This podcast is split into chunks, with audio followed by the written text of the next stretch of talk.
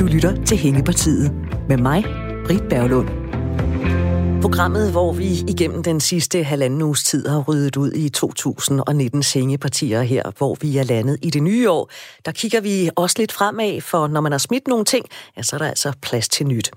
Så vi øh, piller og krasser lidt i det, vi gerne vil have mere af her i 2020. Og det gjorde vi for eksempel her mellem klokken 10 og 11, hvor vi talte om tillid, og at vi skal tale hinanden op. Det talte jeg med André Rokaszewski, der er direktør i IT-selskabet Netcompany, og Morten Frederiksen, der er lektor ved Institut for Sociologi og Socialt Arbejde på Aalborg Universitet om. Gik du glip af det, så kan du altså høre programmet her inde på øh, Radio 4's hjemmeside, radio4.dk, eller så henter du det i appen.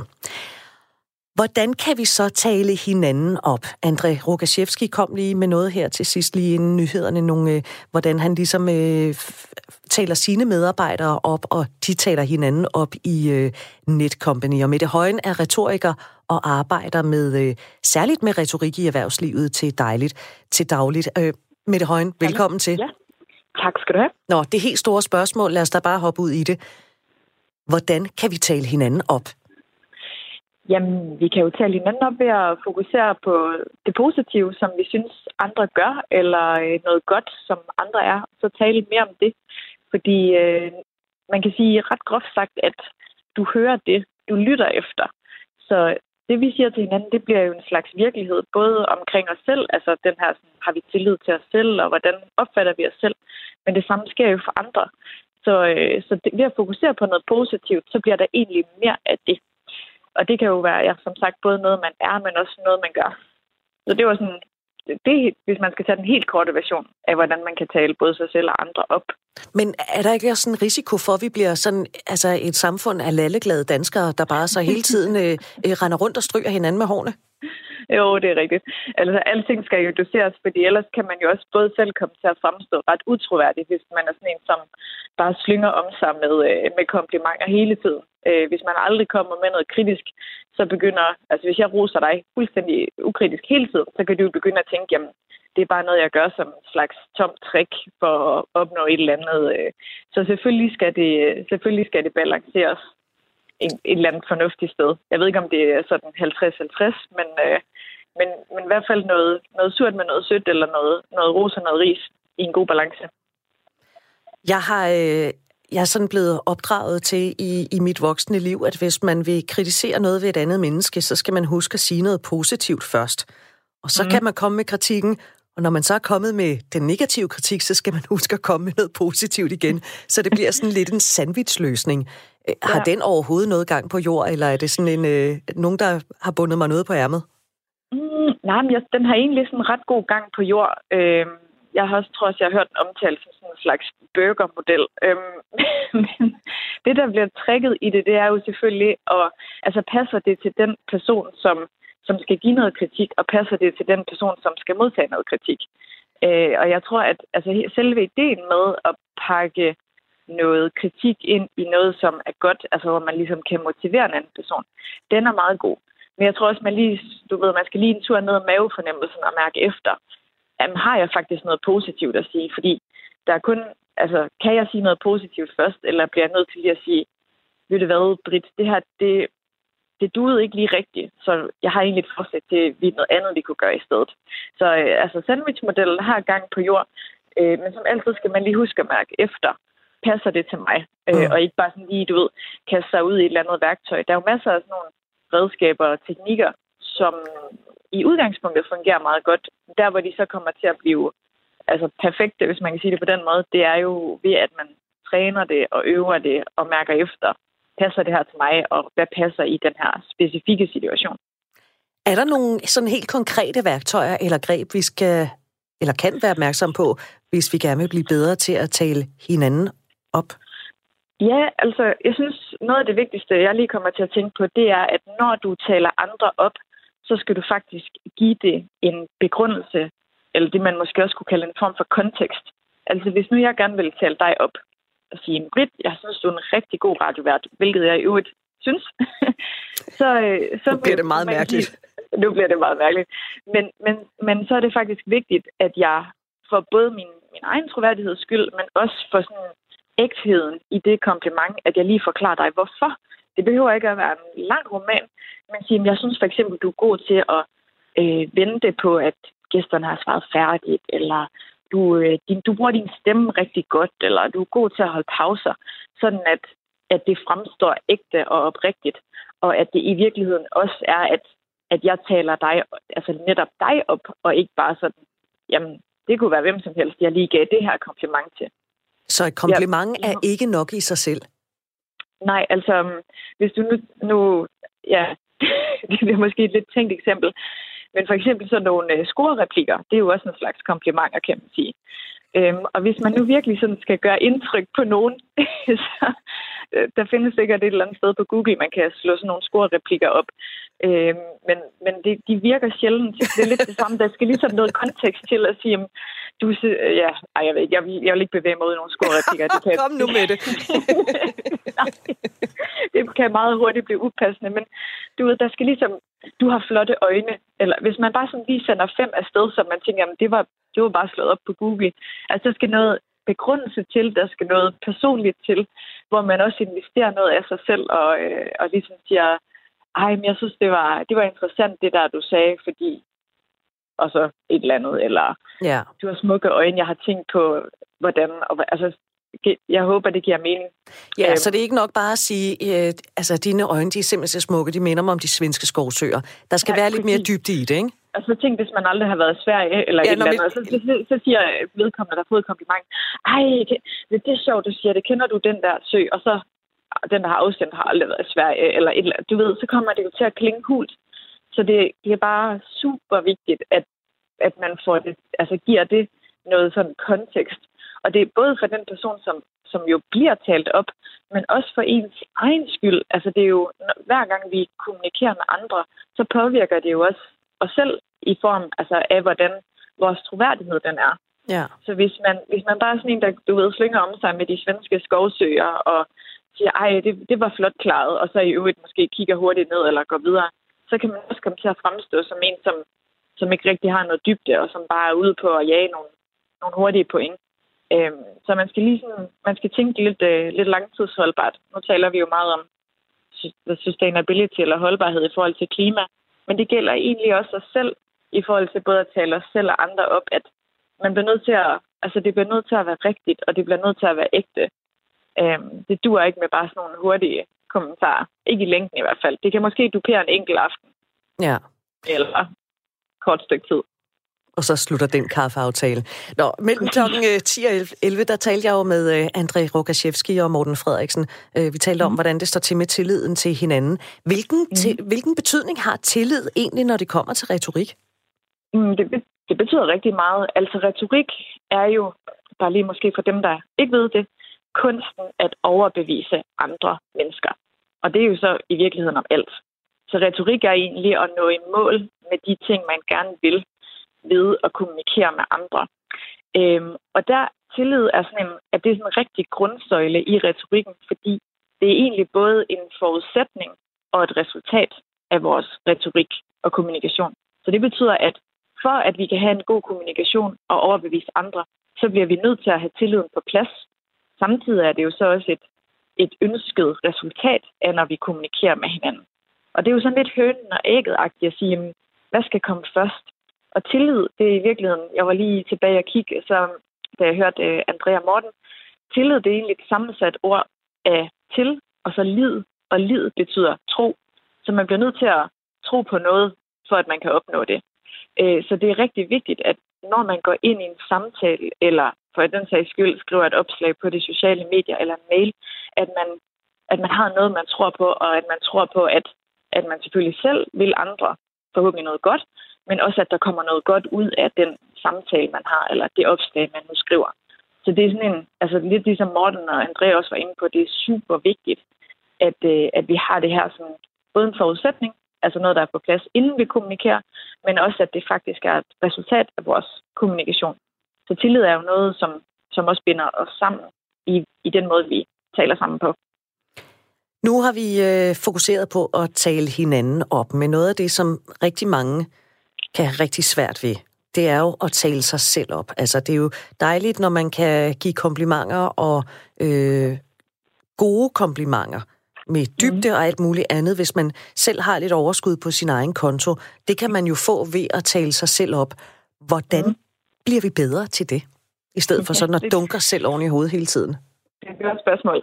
Altså, øh, janteloven, den har det jo blandt andet med at dunke os lidt i hovedet og sige, jamen nu, nu skal vi ikke tro for meget. Øhm, og den har vel på sin vis sin plads.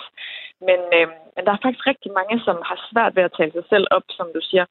Og øh, det, den hurtigste og mest sådan effektive måde at, øh, at tale sig selv op, og det er jo måske Ja, det kunne jo egentlig være både være privat og i arbejdskontekst. Det er ved at sætte sig foran et spejl og så sige, jeg er ekspert i retorik, eller jeg er ekspert i at lave radio, eller jeg er rigtig god til at lave øh, reoler, eller hvad, hvad man nu er god til. Så jeg er dygtig til, jeg er ekspert i, jeg ved noget om, jeg er en god mor, eller jeg er en god far, og kunsten, det, altså det, det jo, kan jo være vildt mærkeligt, og er formentlig vildt mærkeligt for de fleste. Men kunsten bliver faktisk, når man siger det, at holde hagen højt, holde øjenkontakt med sig selv, og når man så har sagt det, så holde en pause. Altså det her skal man nok gøre, når man måske er alene, ikke? Men, men, men, men altså, du, det, var, det var lidt tilbage til det der med, at du hører det, du lytter efter. Og hjernen, altså de, der sidder jo en masse sådan kemiske reaktioner inde i vores hjerne, og hjernen og kroppen reagerer jo på det, den hører og ser.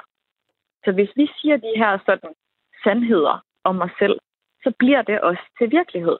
Altså det bliver en del af vores selvopfattelse og selvtillid. Jeg er ekspert i. Jeg er dygtig til. Jeg er en god. Fordi de fleste, de vil have tendens til at sådan hurtigt slå blikket ned, eller sådan mumle det sidste, sådan, det, du ved, det, det når næsten ikke ud ud af tænderne eller ud forbi læberne. Så det, det er virkelig en kunst, og det er super mærkeligt til en start. Men det, altså, det kan hjælpe med, at man taler sig selv op og bygger sig selv op. Øh, og ja, mange mennesker har for eksempel også tendens til, som jeg sagde, mumle i slutningen af sætningerne, kigge ned, du ved, bøje sig sammen. Og når man bøjer sig sammen og mumler til sidst, så underminerer man faktisk det, man siger. Altså sådan helt ubevidst med kroppen og stemmen.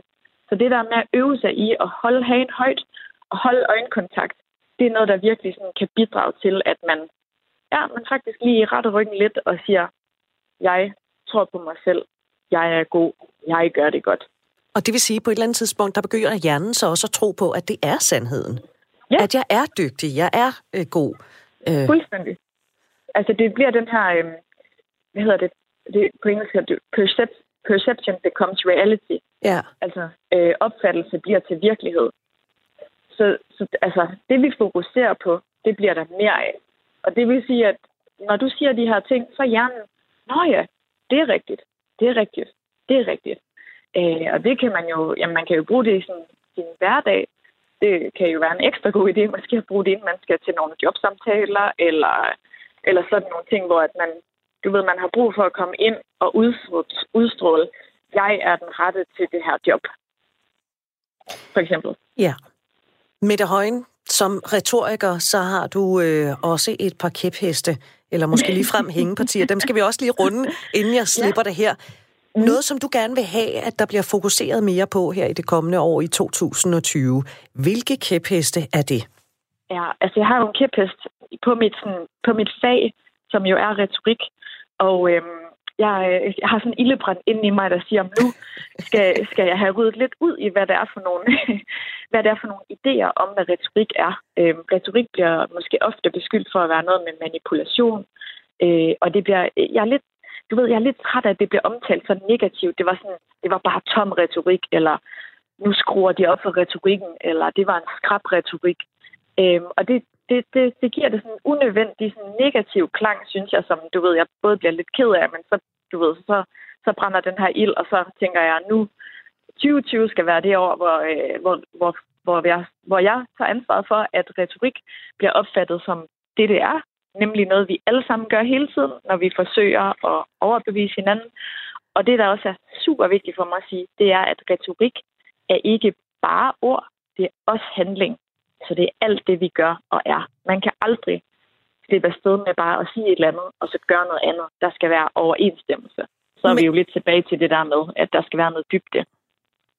Og Mette Højen, jeg er nødt til lige at anholde det her, du siger med, at retorik ikke er manipulation. Fordi for et kvarter siden, da vi to vi begyndte ja. at tale sammen, der sagde du, hvis jeg lige skal sætte nogle ord på retorik, så handler det om, at man kan overbevise andre om noget. Og straks ja. så, så står jeg jo og, og ser det her øh, neonskilt med manipulation stå og blinke i ansigtet.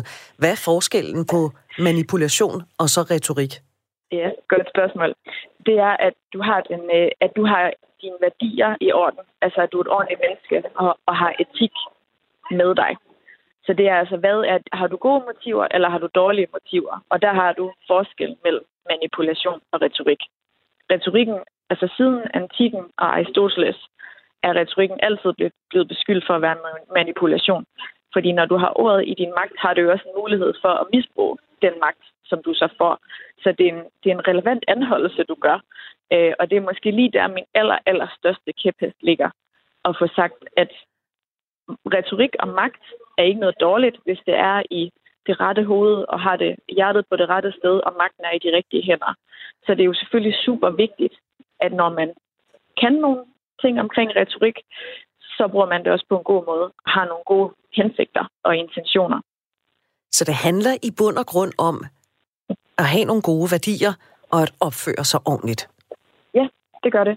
Øh, Cicero, hvis øh, nogen måske kender ham fra, fra tiden med Caesar, han havde sådan et meget interessant begreb, som, øh, som hedder vir bonus. Og vir betyder mand, og bonus betyder god. Og det her begreb, det betyder, at den gode mand er den gode taler. Og det synes jeg er lidt interessant, fordi at hans pointe var jo så, at hvis man er et godt menneske, så kan man også tale godt. Altså, dengang gik det jo selvfølgelig meget op i sådan kun talerne. Øhm, men hvis vi breder det ud nu, så betyder det jo, at man kan få succes, hvis man har værdierne i orden. Fordi så kan du også tale godt, når du har værdierne i orden. Så kan du komme langt ud med dine budskaber. Det var en af dine kæpheste, Mette Højen, retoriker, måske et hængeparti. Det kan være, at vi ringer til dig om et år for at høre, om det er blevet Jamen, det... bedre, om vi er sluppet af med det hængeparti. Meget gerne. Jeg har en opgave foran mig. ja, og det har vi andre i øvrigt også. Tusind tak, fordi at øh, du vil være med her og fortælle om øh, også, hvor vigtigt det er, og hvordan vi taler hinanden op, og ikke mindst os selv op. Tak for det, Mette, og øh, rigtig godt nytår. Tak i lige måde. Du lytter til Hængepartiet på Radio 4. Og vi er efterhånden kommet godt igennem den liste, som historiker altså Amdisen har lavet. Han har lavet en liste over historiske hængepartier.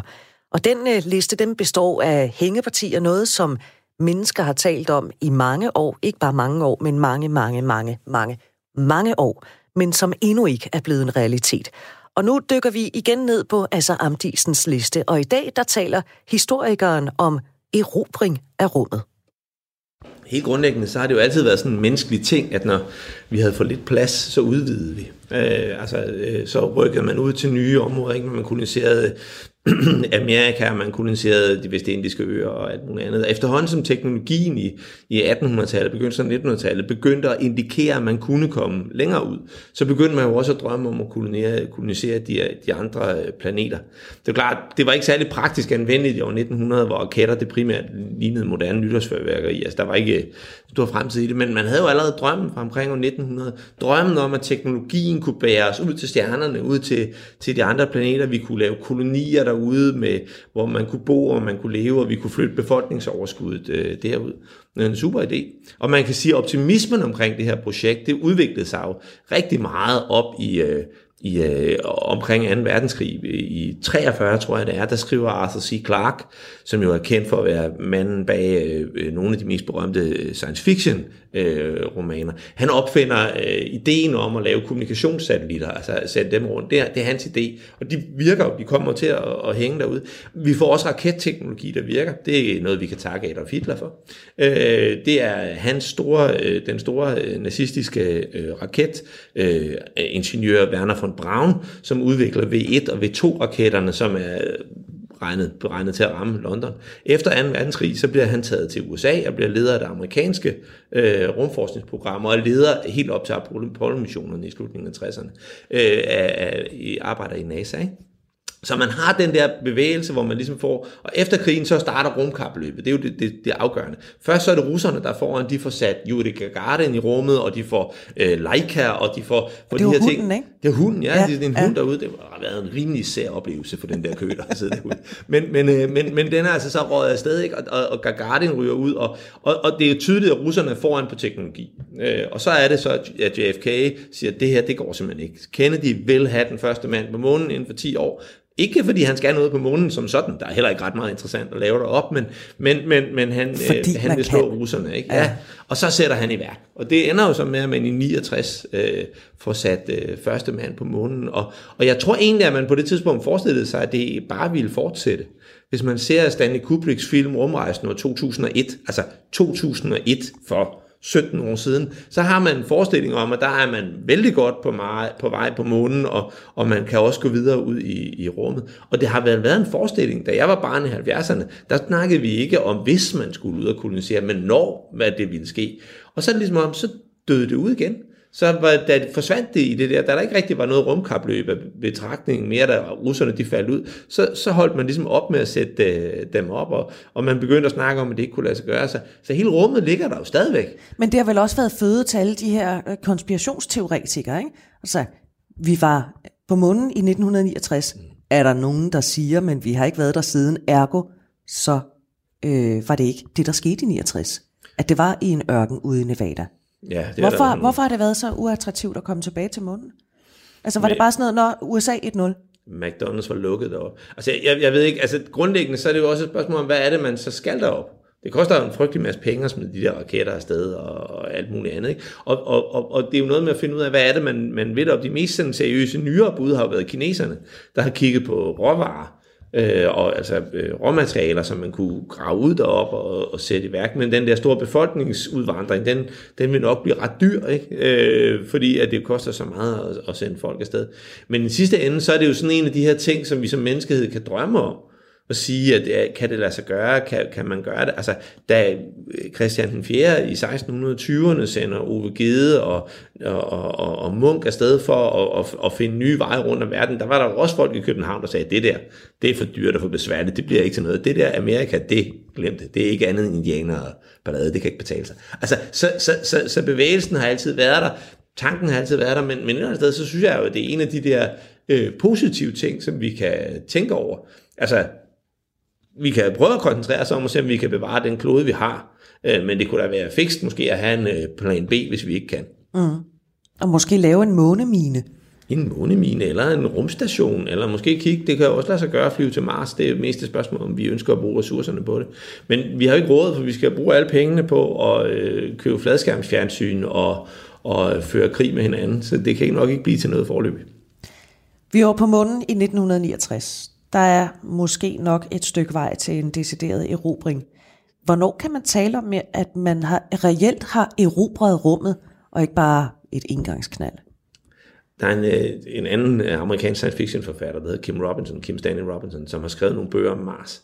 Og det han siger, det er, at det øjeblik, at, at, øh, at de her planeter får deres eget liv, i det øjeblik, at der er børn, der bliver født, lever og dør der, så har man reelt set erobret de planeter.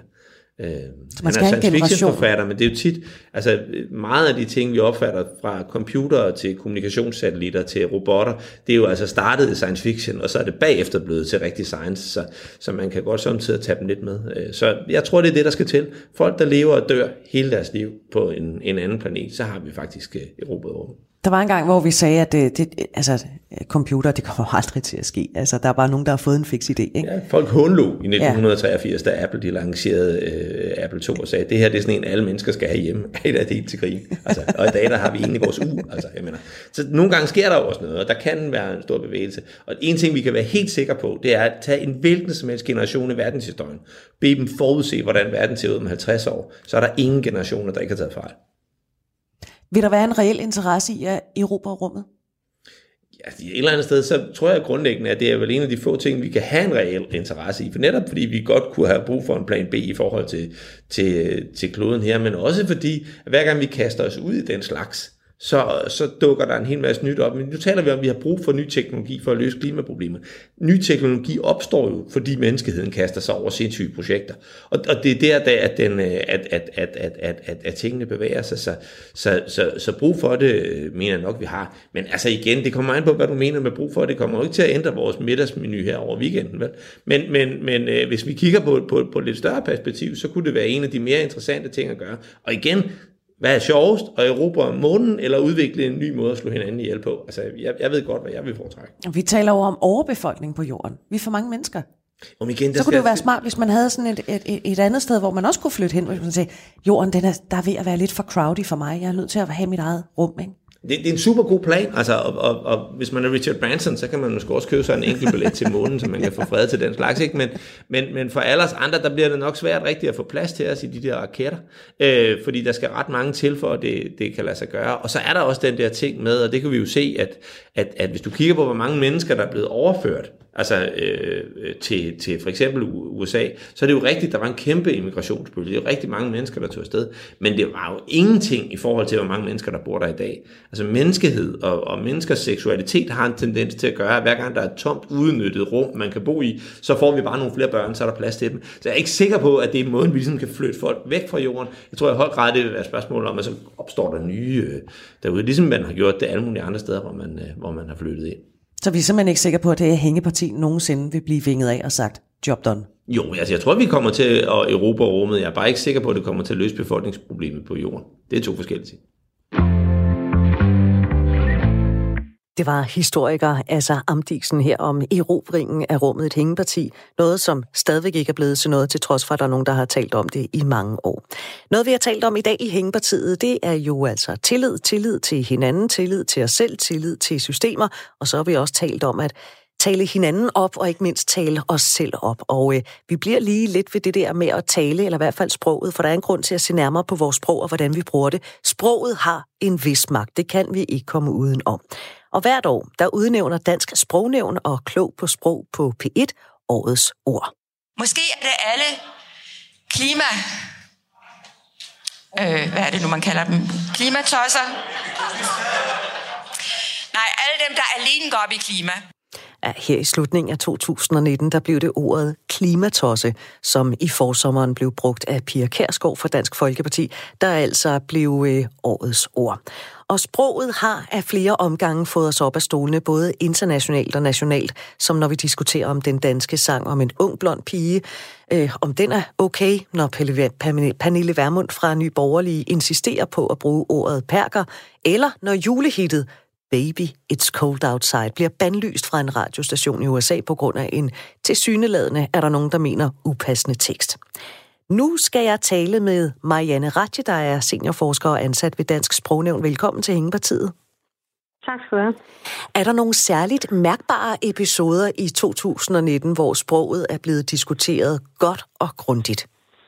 Ja, jeg synes faktisk, øh, det har været et, øh, et år, hvor vi har diskuteret meget sprog. Øh, noget af det har du allerede nævnt, men altså hvis vi starter i foråret 2019, der var der en stor diskussion om ordet homo, og det var det, fordi øh, fodboldspilleren Victor Fischer øh, der blev råbt øh, homo efter ham under en kamp. Og, øh, og så var der en stor diskussion af, om, om det er homofobisk at råbe homo eller bøse mod en, en modstander på fodboldbanen, altså fra publikum fra tribunerne, hvor der var nogen, der sagde, at, øh, at det er homofobisk, og det hører ingen steder hjemme, mens der var andre, der bare mente, at det var noget, man altid havde gjort, og det var sådan en traditionel måde at at nedgøre sin modstander på i sådan en traditionel maskulin sport som fodbold er, hvor det er et øh, ideal at være maskulin. Altså med andre ord, det er bare øhm, noget, vi siger? Ja, lige præcis. Så det, det diskuterer man meget der. Og så kommer vi jo selvfølgelig til klimatosse, som du allerede har været inde på der øh, efter Europaparlamentsvalget, som jo er blevet kåret øh, som årets ord og øh, hvor Pia Kærsgaard jo øh, brugte udtrykket for at forklare, hvorfor øh, hendes parti, altså DF, ikke havde fået så mange stemmer. Og øh, hun brugte det jo så som et skældsord om folk, der går for meget op i klimaet, i modsætning til, at DF, som altså ifølge hende, er mere realistiske i forhold til klimaet. Og så var der jo så andre, der efterfølgende øh, brugte ordet klimatosset som noget positivt. Altså for eksempel på, på Facebook, hvor de skrev, at de var klimatosser, og det var de stolte af, og at de mente, det var godt at gå op i klimaet. Og på den måde fik de jo så også øh, markeret sig selv som, som nogen, der kunne lægge afstand til Pia Kærsgaard og hendes partis syn på, på klimaet. Ikke? Det gik jo relativt hurtigt med, med for eksempel med klimatosse. Fra at det gik fra, som du siger, at være negativt, da Pia Kærsgaard brugte ja. ordet, til at blive noget positivt. Ja, jeg er klimatosse, og det er jeg virkelig stolt mm. af. Der gik ja. jo relativt kort tid. Ja, altså, det, det gik... gjorde det, men, men det er jo også øh, meget smart, kan man sige, ikke? fordi at øh, mange ikke øh, kan identificere sig med Pia Kærsgaard, når hun så siger noget, øh, så, så er det så smart for dem, der ikke er enige med hende, og så lige vente rundt og, og gøre det til noget positivt, og så på samme måde øh, tage afstand fra hende og den politik, hun står for. Var det usædvanligt, at det gik så stærkt? Nej, det ved jeg ikke. Altså, der, var, der fandtes jo, altså ordet klimatosset fandtes jo inden Pia Kærsgaard brugte det, så det er ikke hende, der har opfundet det, kan man sige, men, men det har jo virkelig altså, fået voldsom opmærksomhed øh, siden. Og, øh, og grunden til det er jo nok det her med, at Pia Kærsgaard er en markant politiker, en markant stemme, og at der er mange, der ikke kan lide hende, og derfor så kunne bruge det som, øh, som sådan en, en modstander for Pia Kærsgaard og bruge klima til også positivt, når nu hun har brugt det negativt. Og nu kommer jeg til at afbryde din liste her, fordi du har jo en liste med mærkbare episoder. Vi har været omkring klimatossen og så øh, homo. Ja. Hvad står der ellers nu, på din liste, øh, Marianne Ratje? Nu kommer vi til, til ghetto, og øh, ja. det var jo så efter valget, hvor øh, den nye boligminister Kåre Dybvad øh, ikke længere synes, vi skulle bruge ordet ghetto om de her øh, boligområder. Han synes i stedet, at man skulle sige udsatte boligområder, i stedet for at kalde det ghetto.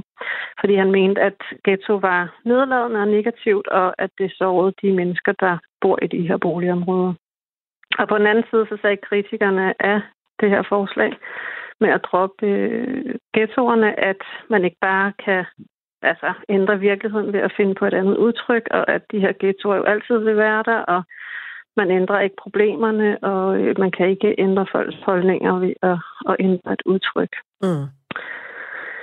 Øhm, og så var der så øh, ordet absurd, som blev diskuteret øh, virkelig meget øh, i forbindelse med, at øh, Trump luftede, at USA skulle købe Grønland, og det kaldte vores statsminister Mette Frederiksen så for absurd.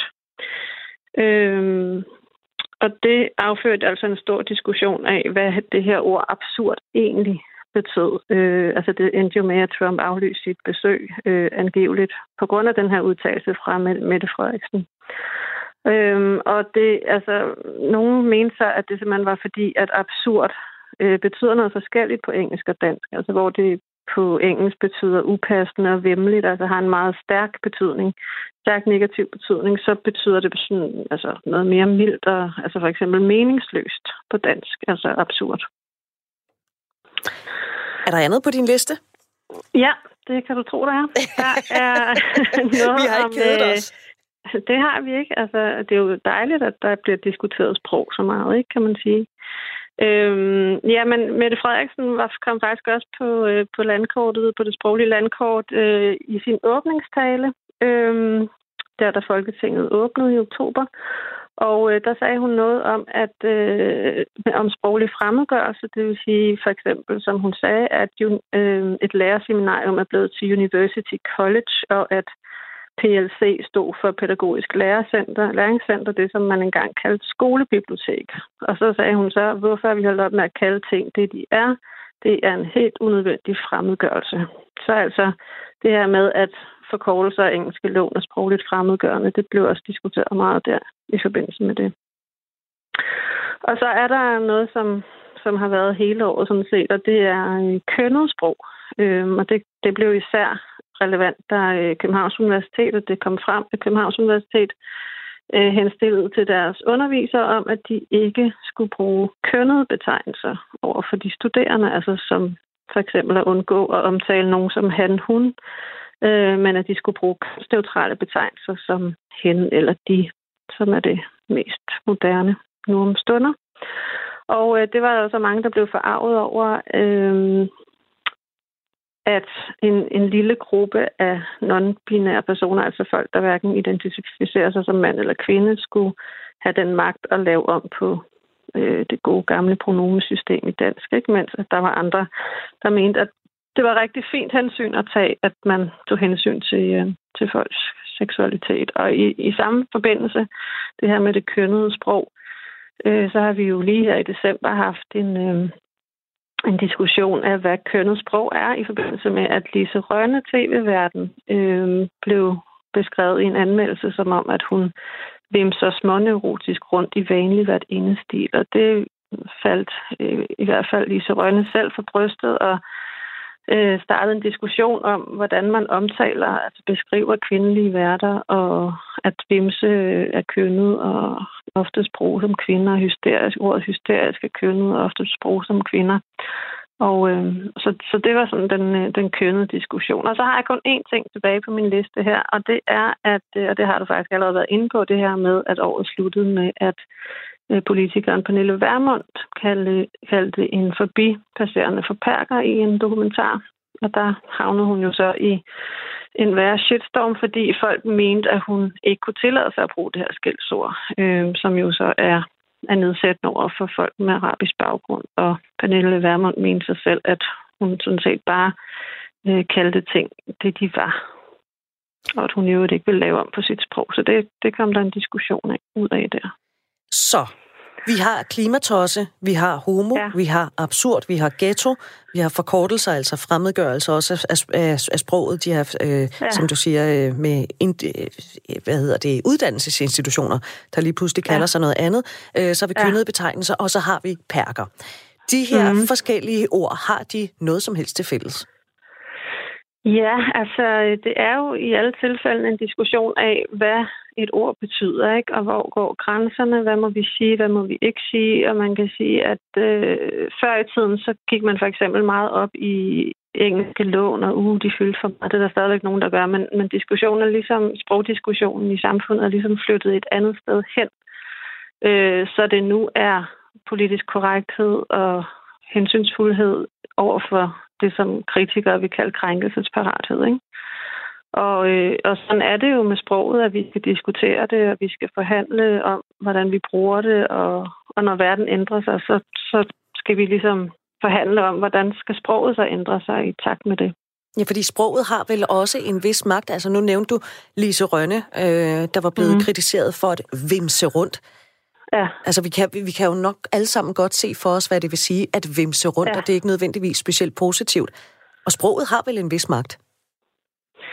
Ja, det er klart, at, øh, at vimse er et negativt øh, lavet ord, og, og sandsynligvis også kønnet, øh, fordi at man oftest vil tænke på en kvinde, når der er nogen, der vimser. Altså det er ikke, fordi man ikke kan bruge det om mænd, men der er noget, noget feminint over det her vimsen rundt. Øh, så selvfølgelig har, har sproget magt, og derfor kan man jo være nederdrægtig i en anmeldelse. Men altså, man skal så på den anden side passe på med, at vi slet ikke tør bruge sproget, og og selvfølgelig skal en anmelder skrive sin subjektive mening om, om et program, som, som det var i det her tilfælde. Ikke? Men, men det er jo godt, at vi får de diskussioner om, behøver det at være, være kønnet sprog? Altså, kunne du ikke bare skrive noget negativt, uden at, at det gik på køn? Mm. Nå, Marianne Ratje, kan man øh, tale om hængepartier, når det kommer til sprog og sprogdebat i 2019? Er der noget, vi ikke lige har fået taget, taget hul på? Altså, jeg synes jo, som sagt, vi har været godt omkring. Øh, der har været øh, rigtig godt gang i sprogdiskussionen, og det, det er dejligt. Øh, der er måske en lille ting, som jeg synes, vi har overset, og det er jo fordi, at vi er gået ind i et øh, nyt årti. Det, er, det tror jeg ikke er gået nogens næse forbi. Øh, det, har været, det har været dyrket i den grad her de seneste måneder. Men der er dog en ting, som, som vi øh, ikke har snakket så meget om. Jeg har faktisk ikke set nogen snakke om det, men det er det her med, hvad kalder vi egentlig det år, vi er i nu? Hedder det 2020, eller hedder det 2020? Fordi oh, folk de siger jo begge dele, og hvad skal man sige? Ikke? Øh, I dronningens nytårstal, der sagde hun for eksempel 2020, det lange udtryk, men man hører jo mange sige 2020. Uh-huh. Så øhm, altså, det er ikke noget, der, der holder mig vågen om natten, men jeg synes alligevel godt, at man kunne, kunne snakke lidt om det, og ja, Og hvad, hvad er egentlig det korrekte? For jeg kan jo mærke i mine ører, der skuer det lidt, når jeg hører 2020. Øh, ja, og jeg forsøger det, selv ikke at bruge det, og nogle gange så kommer jeg til det alligevel, fordi det er bare hurtigt ja. at sige 2020, 20. Ja. Men det kunne lige så godt også være, at man omtalte et, et, øh, et tv-program, der kom i aften, ikke? Øh, klokken ja. 2020. Ja, hvad, ja, det er hvad er det korrekte? Er det at sige, sige... Fordi dengang vi var i 1900, der sagde vi jo også øh, 1984. Ja. Hvad er det korrekte? Det er jamen, jamen, der er ikke rigtig noget korrekt. Altså, det er mere Marianne for Søren. Jamen altså, du ved, jeg er jo sprogforsker, ikke? altså, det handler jo om, hvad vi bliver enige om, og jeg har det fuldstændig ligesom dig, og jeg synes, 2020 er det pæneste, men, men det er meget langt, og jeg synes, 2020 er sådan lidt popsmart. Øh. Men som du selv siger, så bliver man, øh, så bliver man smittet af dem, der går og siger 2020, ikke? Så jeg, jeg tror egentlig, at 2020 bliver, bliver det, vi bruger. Ja. Jamen, så... Øh, jeg vil altså stadigvæk holde på 2020. Nå, vi står jo, vi er jo lige trådt ind i 2020, Marianne. Mm. Øh, mm. Er der noget, som du mener, at øh, ud over 2020-2020, mm. er der så noget, vi har talt alt for lidt om, når det kommer til vores sprog? Nej, det synes jeg ikke. Altså, jeg synes, øh, der har været meget snak om sprog, og det, øh, det har været fint. Jeg synes ikke, at der er nogen hængepartier på den måde. Nej. Og hvor vigtigt er det, at vi bliver ved med at tale meget om vores sprog? Jamen, det er jo dejligt, fordi sproget er demokratisk i bund og grund. Altså selvfølgelig er der også i sprognævnet, der kommer og fortæller, hvordan noget skal staves. Men ellers så er der, er der frit, frit øh, demokrati sprogligt set, så det er jo også, der bestemmer, hvordan sproget skal være. Og så kan man godt blive irriteret, som, som du gjorde lige før, hvor jeg ikke bare kan sige, hvad der er det rigtige. Men altså, øhm, det, øhm, sådan er det med sproget. Det er demokratisk. Og det er vigtigt, at vi bliver, med at, bliver ved med at tale om, hvordan vi bruger ja. vores sprog, og hvilke ord ja. vi bruger og måske ja. også øh, tænker lidt over, hvor meget vi bruger det danske sprog og fremmedord, fordi det ved jeg, det er jo mm. også mhm. noget, der virkelig kan sætte tingene lidt i kog, ikke? hvis man kommer til at bruge lidt for mange engelske ord, man bliver sådan lidt street. Jo, jo. Det er ja. heller ikke populært. Altså, folk bliver jo virkelig rasende over, at der står sale på, på butikkerne her i den her tid, ikke? i stedet for, at man skriver det på dansk. Øhm, men jeg synes ikke, den debat fylder så meget mere, som sagt. Altså, det, vi er gået over i at diskutere mere identitetspolitisk og køn og krænkelse og sådan noget. Ikke? Øhm, Sprognævnet kom jo også frem med her for et par måneder siden, at i de danske aviser faktisk, så er antallet af engelske låneord gået ned øh, inden for de seneste 10 år. Så, så det ser ikke så skidt ud, som man nogle gange kunne tro. Når nu du ikke vil bestemme, hvordan vi skal udtale for eksempel årstal, mm så øh, kunne jeg godt tænke mig, hvis du lige tog fat i den der glaskugle, du har stående på bordet, og lige kned lidt på den og kigget lidt ind i fremtiden. Ja. Marianne Ratje, kan, man, øh, kan du forudse, hvilke ord, der kommer i fokus i de kommende år? Ikke præcis hvilke ord, men jeg er fuldstændig sikker på, at det her med sprog og køn og klima og hvad vi må kalde minoriteter og hvad vi ikke må kalde minoriteter og hinanden i det hele taget altså fortsætter. Altså alt det, vi allerede har været i gang med her i 2019. Det, det er jeg slet ikke i tvivl om, at det kommer til at fortsætte. Så klimatosser, det er ikke et ord, vi kommer til at glemme forløbig? Nej, ikke klimatosser, ikke flyskam og, og alle de andre klimaord, som, som jo simpelthen bare fylder meget. Og, og heller ikke sprog og køn, det kommer vi heller ikke til at, at glemme sådan lige. Så vi er i hvert fald forberedt på, hvad året bringer med sig rent sprogligt. Majne Ratje, ja. tusind tak, fordi du vil være med her i Hængepartiet. Det var så lidt. Og godt nytår. Det er lige meget. Majne Ratje, som altså er seniorforsker og ansat ved Dansk Sprognævn. Hvis du er ny her i programmet, så har vi øh, sendt Hængepartiet siden sidste mandag. Vi har vores sidste udsendelse i morgen, inden alt vender tilbage til normalen her på Radio 4. Men øh, Hængepartiet, ja, der har vi altså set på nogle af de ting, som vi ikke helt kom i mål med i 2019. Øh, og det har vi gjort. Vi har efterhånden været omkring rigtig mange emner. Og nogle af emnerne, jamen, de kommer fra øh, nogle af kollegerne her, nemlig nogle af Radio 4's værter. En af de værter, det er Claus Elgaard, der er vært på øh, både Fremkaldt og på Sportsugen med Elgaard. Og Isa Samuelsen har talt med Claus Elgaard om øh, 2019's hængepartier i sportens verden. Altså et af de helt store hængepartier, det er bettingreklamer, altså reklamer for spil i tv. Øh, dem er der kommet rigtig mange af, og der er rigtig mange, der er ved at være trætte af dem. Og det, der er sket, det er, at øh, skatteministeren, det er Morten Bødskov fra Socialdemokratiet, han har haft et møde med spilbranchen om at få det reguleret, øh, måske endda helt forbudt, og den udviklingen har været voldsom. I, øh, I 2012, da der kom en ny spillelov, kan man sige, der var der 426 reklamer øh, på de store tv-kanaler. Øh, I august måned i år, der var der 1197 reklamer. Og det, der jo er interessant, det er, at der ligger et, øh, et EM i fodbold, hvor tre kampe bliver spillet i Danmark, og der vil de her reklamer for spil i tv jo gå fuldstændig totalt amok. Mm. Og der er andre lande, øh, som allerede er gået i krig. Altså Italien har lavet et totalforbud mod alle former for spilreklamer. Australien er godt med, mange lande, og England er ved at være med os. Øh, og der er danske politikere, øh, Helve, Schaldemose, Søren Gade, som har taget det i Europaparlamentet, fordi at, at, at der er rigtig mange, der er meget, meget trætte af de her spilreklamer. Øhm, og, og 62 procent, jeg har lige talt med Michael Jørsel, der er leder af Center for Ludomani, 62 øh, procent af dem, der kommer i behandling for, øh, for spilproblemer, de har også et øh, kviklån, og kviklån er ligesom med i den her potte. Så, så, så, så det er meget, meget spændende, hvad der kommer til at ske, om regeringen rent faktisk tør lave nogle, nogle indgreb omkring det. Mm. Øhm, fordi det, det, er et, det er et voldsomt problem. Så det er i den grad et, et hængeparti, som, som skal, skal man sige, der skal, der skal komme en afklaring på. Ja, fordi for folk, der ikke er helt med på bettingreklamer, det der er udfordringen, er, det er, at det opfatter det det fordrer i virkeligheden, altså folk, der har spilproblemer, eller hvad, eller hvad er, hvad er Ja, det er jo, øh, konflikten i det er jo, at, at, øh, at folk, der er, skal man sige, er motiveret, som, som, som har en... De har risikoen for at falde i, altså komme mm. ud i et spilmisbrug, ludomani mm. ganske enkelt, ikke? Og de bliver jo ekstremt påvirket. Det siger jo sig selv, når der er næsten 1.200 reklamer øh, i tv for det om dagen. Ja, øh, så bliver man jo hele tiden mindet om, man skal huske at komme ned og spille, man skal huske at gøre forskellige ting. Mm. Og, og, og det svarer jo vil nogen mene lidt til, hvis man øh, stillede en kasse øl ude på terrassen for nogen, der går til møde i anonyme alkoholiker. Mm. Og så vågner man op til, så står der to kasser øl ude på terrassen. Altså det, det, er, ligesom, øh, det er ligesom det, som øh, nogen mener er, øh, nu, nu er det ved at være for meget. Mm. Øhm, og, og der er faktisk ret mange medier, som har sagt nej, blandt andet Mediano, et, et, et fodboldplatform, som simpelthen har sagt, vi vil ikke have reklamer for spil, selvom det, hvad de selv oplyste, udgør 30 procent af deres omsætning så har de sagt, det vil vi simpelthen ikke lægge platform til.